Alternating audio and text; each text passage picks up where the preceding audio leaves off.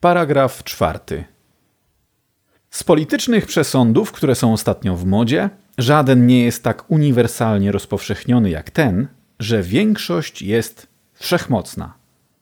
Pozostając pod wrażeniem, iż utrzymanie porządku zawsze wymaga dzierżenia władzy przez jakąś grupę, moralność naszych czasów przeczuwa, że ta władza nie może być w prawowity sposób przekazana nikomu innemu, jak największej części społeczeństwa.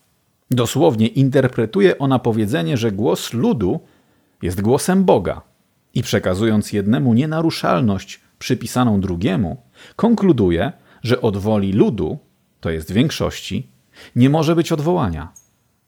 Jest to jednak wierzenie całkowicie błędne. Załóżmy na potrzeby argumentu, że pod wpływem maltuzjańskiej paniki ustawodawstwo należycie reprezentujące opinię publiczną miało zarządzić, że wszystkie dzieci urodzone w ciągu następnych 10 lat powinny zostać utopione. Czy ktokolwiek uważa, że takie zarządzenie byłoby legitymizowane? Jeśli nie, to ewidentnie istnieje ograniczenie dla władzy większości. Załóżmy ponownie, że z dwóch mieszkających razem ras, Celtów i Sasów, dla przykładu, najliczniejsza postanowiła uczynić pozostałych swoimi niewolnikami. Czy autorytet najliczniejszych byłby w takim wypadku uzasadniony? Jeśli nie, to istnieje coś, czemu ten autorytet musi być podległy. Załóżmy raz jeszcze, że wszyscy ludzie posiadający dochody mniejsze niż 50 funtów rocznie mieli powziąć decyzję o redukcji każdego dochodu powyżej tej sumy do swojego poziomu, przeznaczając nadwyżkę na cele publiczne. Czy ich przedsięwzięcia mogłyby być usprawiedliwione? Jeśli nie, po raz trzeci wypada nam przyznać, że istnieje prawo, przed którym głos ludu musi ustąpić. Czym wtedy jest to prawo, jeśli nie prawem czystej sprawiedliwości, prawem równej wolności? Te hamulce, które każdy nałożyłby na wolę większości, są właśnie hamulcami ustanowionymi przez to prawo.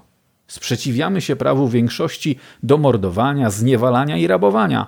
Dlatego po prostu, iż morderstwo, zniewalanie i rabunek są gwałtami dokonywanymi na owym prawie, naruszeniami zbyt poważnymi, aby je przeoczyć. Ale jeśli wielkie zbrodnie są krzywdzące, krzywdzące są również te małe – jeśli wola wielu nie jest w stanie wyprzeć podstawy moralności w tych przypadkach, nie może tego również robić w żadnych. Tak więc, jakkolwiek nieznacząca byłaby mniejszość i jakkolwiek błahe potencjalne naruszenie jej praw miałoby być, żadne takie naruszenie nie jest dopuszczalne. Gdy uczyniliśmy naszą konstytucję całkowicie demokratyczną, mówi do siebie najbardziej zasłużony reformator – Sprowadziliśmy zapewne rząd do harmonii z absolutną sprawiedliwością. Taka wiara, choć może i przydatna w owych czasach, jest niezwykle fałszywa. Nic nie sprawi, że przymus stanie się godziwy. Najbardziej wolna forma rządu jest jedynie formą najmniej wołającą o sprzeciw. Władzę nielicznych nad wieloma nazywamy tyranią. Władza wielu nad nielicznymi jest również tyranią, tylko mniej intensywną.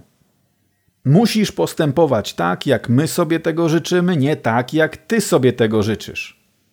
Taka jest w obydwu przypadkach deklaracja. I jeśli setka składa ją dziewięćdziesiątce dziewiątce, a nie dziewięćdziesiątka dziewiątka setce, jest to tylko o cząstkę mniej niemoralne. Z dwóch takich grup, którakolwiek wypełni tę deklarację, nieuchronnie złamie prawo równej wolności. Jedyną różnicą jest fakt, że w pierwszym przypadku łamie ona prawo 99 osób, podczas gdy w drugim łamie prawo setki osób. I zaleta demokratycznej formy sprawowania rządów polega wyłącznie na tym, że naruszane są prawa mniej licznej grupy. Samo istnienie większości i mniejszości jest dowodem niemoralnego stanu.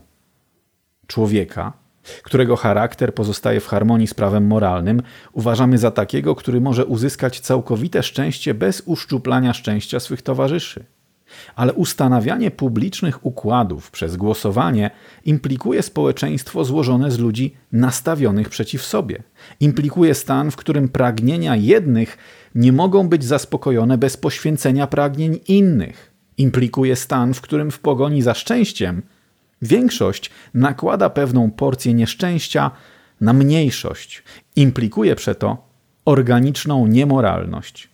Tak więc, choć z innego punktu widzenia ponownie dostrzegamy, że nawet w jego najsprawiedliwszej formie niemożliwe jest, aby oddzielić rząd od zła i dalej, dopóki prawo do ignorowania państwa nie jest respektowane, jego działania muszą być gruntownie przestępcze.